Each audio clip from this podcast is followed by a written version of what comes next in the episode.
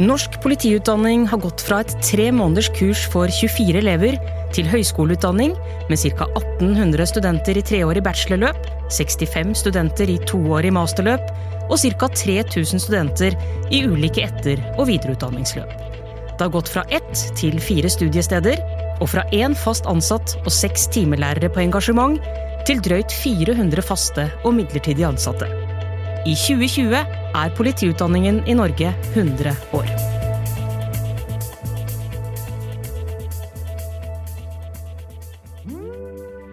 april 1919 kommer stortingsvedtaket om å etablere en statlig politiutdanning, og drøye åtte måneder senere, 10.1.1920, setter det første kullet seg på skolebenken på gamle Sankthanshaugen skole i Oslo.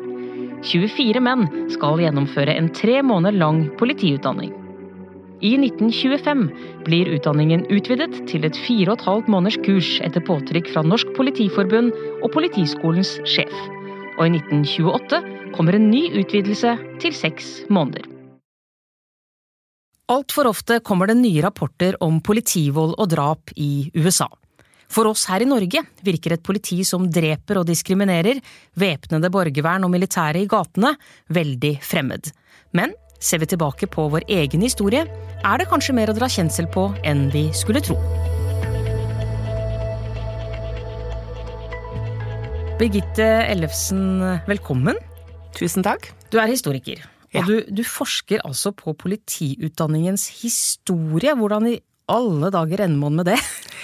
Nei, det er uh, i anledning av at Politihøgskolen nå feirer 100-årsjubileum i 2020, så er dette et forskningsprosjekt som vi har satset på. Å få vite mer om utdanningens historie. Spennende tema å forske på. Veldig. Kjempegøy. Jeg har forsket på annet av politihistorie òg, men dette her er det ikke skrevet så mye om, så det er veldig gøy. Og nå skal vi altså bevege oss et godt stykke bakover i tid. Vi skal tilbake til 1920. Hvem var de første politiskoleelevene? Jo, det var 24 eh, menn. Eh, I sin beste alder, eh, altså mellom 25 og 50 år. De kom fra hele landet. Fra bygd og by. Fra nord til sør og fra øst til vest. Og alle jobbet i politiet. Så her var det ikke noe sånn utdanning du tok før du ble politi, her var det en utdanning du tok etter at du hadde begynt å jobbe som politi. Så de jobbet som politikonstabler og politibetjenter og lensmenn og lensmannsbetjenter. Ok, Så de jobbet allerede i politiet. Ja. Men hva besto utdanningen i da? Det var rett og slett eh, en, en sånn minimumsløsning, vil jeg kalle det. Eh, tre måneder, eller det skulle være fire og en halv måned fra starten av, eh, hvor de fikk en sånn grunnleggende innføring i de fleste av de tingene de var borti i som politi, så det sier seg jo selv at det ble ikke veldig i dybden. Men det var nå først og fremst eh, veldig mye juss. Eh, det var veldig mye at de måtte lære seg eh, lover. Og, og, anvende dem. Og alt fra da som politiinstruksen som fortalte de hvordan de skulle oppføre seg, til straffelov og ulike forvaltningslover som de var, hadde ansvar for å håndheve. Og, så har jeg skjønt det sånn at de kanskje litt mer ufrivillig, men ganske tidlig også fikk eh, praktisk erfaring på hvordan, hvordan det var å være på andre sida? Eh, ja det, ja, det, stemmer. Eh, de, det var sånn at det var bolignød i Oslo. Og disse elevene, når de skulle reise til Oslo for å ta denne utdanningen, så måtte de skaffe seg et sted å bo. Og det fikk de ansvar for sjøl. Så da måtte vi prøve å gå på det private leiemarkedet. Så viste det seg at det var veldig vanskelig, og skolen forsøkte å hjelpe de og hadde utlysninger i avisene og ba folk åpne hjemmet sitt for disse elevene.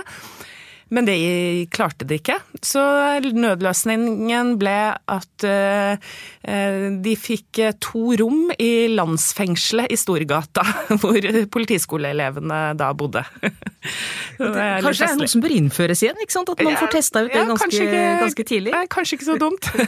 Men Birgitte, hvem, hvem, var det som var rollemodell for, for norsk politi på denne tida her? Det var den Altså, det var London Metropolitan Police.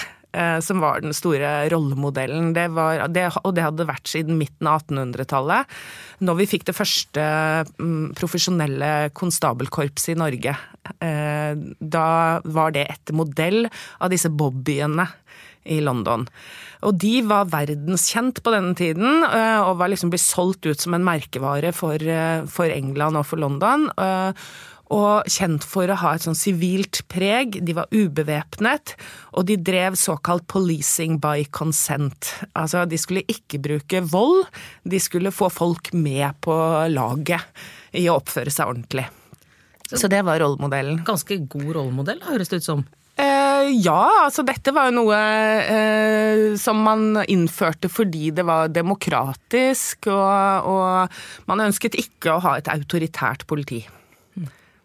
Men så i 1928 så, så skjer det noe, at da har vi fått en utvidelse. Det har gått opp til seks måneders utdannelse. Et halvt år nå altså. Og da får plutselig utdanningen et litt mer militært preg.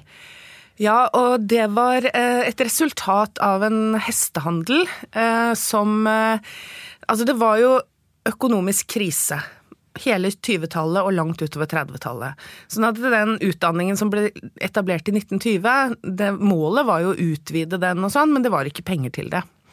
Så politiskolens sjef Ola Kvalsund han sto på alt han maktet for å klare å få mer penger på budsjettet til politiutdanningen. Eh, og han, sammen med Norsk Politiforbund, fagforeningen til polititjenestemennene, de klarte da å overbevise regjeringen om at eh, hvis man ga Politiskolen mer penger, så de kunne utvide utdanningstilbudet sitt, så kunne Politiskolens elever ta over ansvaret som reservepoliti. Eh, og da må jeg forklare litt hvorfor det var viktig. Det var som sagt økonomisk krise. Det var eh, også arbeidsledighet, mye streiker, lønnskamp. Eh, fagforeningsrørsla vokser på denne tida. Og eh, det oppsto store arbeidskonflikter. Og demonstrasjoner. Og de kunne også bli voldelige fra tid til annen. Eh, det som da skjedde, var at politiet var ikke organisert sånn at de klarte å, å, håndtere dette her. Politiet var kommunalt, så de var ikke store nok. Så da bestemte regjeringen seg for at de trengte en statlig sånn reservestyrke, da, som de kunne kalle sammen og bruke på tvers av kommunale grenser når det var behov for det. Problemet var at eh, når de etablerte dette reservepolitiet, så brukte de da um, det var jo en del på høyresida, eller på ytre høyre i, i politisk, som hadde etablert eh, borgervern på den tiden, som da tok, skulle ta de streikende arbeiderne. Uh, og disse borgerverngruppene ble da faktisk rekruttert til å være reservepoliti. Og dette ble jo ikke tatt nådig opp av arbeiderbevegelsen, som jo da kalte dette, dette reservepolitiet for et klassepoliti. Mm.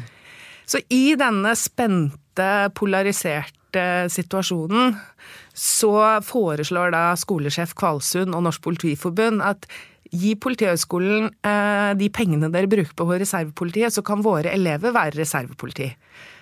Eh, og det gikk regjeringen med på, og det fikk de eh, så vidt et flertall for i Stortinget. Selvfølgelig imot Arbeiderpartiets stemmer, som på grunn av dette her fikk eh, ikke hadde et hyggelig forhold til eh, Politiskolen på veldig, veldig mange år. Mm. Sånn at i alle kommende år så stemte de imot bevilgninger til Politiskolen. Men så var det disse, disse studentene, da, altså elevene, som, som, var da en del av reservepolitiet. Hvordan var dette i praksis for dem? Altså, ble de kalt ut i situasjoner? Hva opplevde de? Ja, altså det, det, ble de faktisk. De ble rekvirert. Eh, ofte til udramatiske ting, sånn eh, 17. mai-feiring og sånn, som jo var å holde vakthold og stort sett var hyggelig. Men de ble også rutinemessig innkalt vakthold på 1. mai, eh, for da å passe på de eh, arbeiderbevegelsen. Det var kanskje ikke like populært? Nei, det var jo ikke det. Og, og de ble satt inn når det var store streiker. Eh, og det toppet seg da i 1931 eh, med storstreik da, og det ble en konflikt eh, ved Hydros, Norsk Hydros anlegg på Menstad i Telemark. Som endte med at reservestyrker ble satt inn med alle politiskoleelevene. Og dette endte i et voldelig slag, rett og slett. Hvor de demonstrantene og de streikende arbeiderne jaget dette reservepolitiet på dør. Og, og det endte med at regjeringen satte inn militæret til slutt. Og dette fikk konsekvenser, denne erfaringen. For dagen etter i Stortinget så bestemmer de at det skal opprettes et eh, profesjonelt statspoliti. Ok, Og hva innebar det? Eh, Altså Statspolitiet da, det skulle være en eh, profesjonell innsatsstyrke. En spesialisert enhet som hadde base i Oslo, hadde lokalene sine her, men som da ble, var mobil, da. En mobil innsatsstyrke som ble da satt inn rundt omkring i landet der hvor det var behov. Og den uh, ble da ledet av uh, Bernhard Askvik og Jonas Lie. Eh, som for øvrig var barnebarnet til forfatteren Jonas Lie. Riktig, riktig. Ja, det var noe kjent med navnet. Ja. Men Birgitte, det er noe som sier meg med de tinga du forteller nå, at, at den britiske Bobbyen kanskje ikke er uh, forbildet lenger? Nei, det stemmer. Uh, I norsk politi på denne tiden, på 1920- og 30-tallet, så, så, var det store spenninger. Ikke bare ute i samfunnet, men også inne i norsk politi. Eh, hvor eh, man splittet seg i forhold til om politiet skulle være bevæpnet eller ikke. Eh, og det var stadig mm, altså, sterkere krefter, kanskje ikke stadig flere, men stadig sterkere krefter i norsk politi som tok til orde for at vi måtte ha en tysk politimodell. Og at den skulle være bevæpnet og bruke kraftigere virkemidler. Og, og det mente også da eh, ledelsen på Politiskolen og lærerne der tok også til orde for dette. Og de reiste da på studieturer til Berlin, eh, hvor eh, denne Weimar-republikken var da preget av masse demonstrasjoner og samme type problematikk som her i Norge, men desto mer eskalert.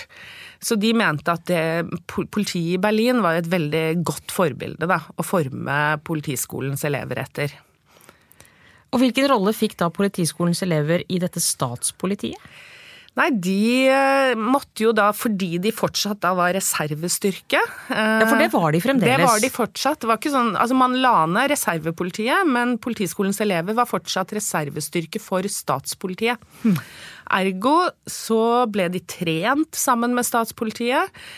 Eh, og det var en helt ny måte å trene på. Det var såkalt massetjeneste med angrepsformasjoner og bruk av batong og våpen og ja, ganske sånn militær eksersis.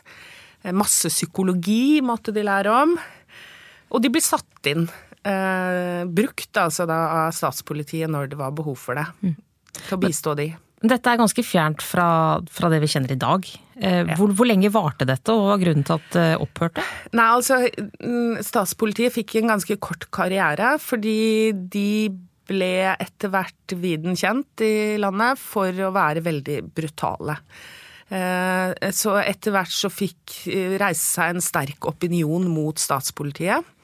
Eh, og det toppet seg da i 1934, hvor eh, Stortinget bestemte å avvikle hele eh, statspolitiet. Ehm, så da var ikke Altså, Politiskolens elever var fortsatt en slags reservestyrke, men, men, de ble ikke brukt til den type oppdrag. Da var det mer sånn hyggelige anledninger etter det. Så det var en, en positiv endring, med andre ord? Ja. Men varte ikke så veldig lenge, da. Nei, det er akkurat det. ja. Eh, skal vi bevege oss inn til 1940, eh, tysk okkupasjon? For jeg regner jo med at det også har hatt eh, noe å si for den norske politiutdanningen? Ja, det hadde det. Um, altså, de tyske altså Først og fremst må jeg si at dette er et veldig spennende felt som nå eh, forskere på Holocaust-senteret, bl.a. Øystein Hetland, eh, har forsket på og, og, og, publisert nye spennende ting på. Eh, så jeg lener meg på de. Um, okkupasjonsmyndighetene de hadde store visjoner for uh, norsk politiutdanningen. Uh, og Jonas Lie, som var tidligere leder, en av de tidligere lederne for dette statspolitiet. Han ble jo utnevnt politiminister i Quislings regjering. Og han ønsket seg et helt nytt politiutdanningssystem som skulle skape et sterkere og bedre og mer ideologisk skolert politi. Eh, og de tyske SS ville også ha en ny generasjon politifolk eh, som var en slags politiske soldater for nazismen. Eh, så derfor, i oktober 1941, så Eh, startet en ny ordenspolitiutdanning opp. Eh, da eh, tok de opp elever som først hadde tre måneders opplæring på den gamle militærfestningen på Kongsvinger. Og opplæring der, det var Eh, militær drill, eh, mye kroppsøving, skytetrening eh, og heavy skolering i nazistisk ideologi. Når de var ferdig med de tre månedene, så reiste de til Oslo og fortsatte på politiskolen her.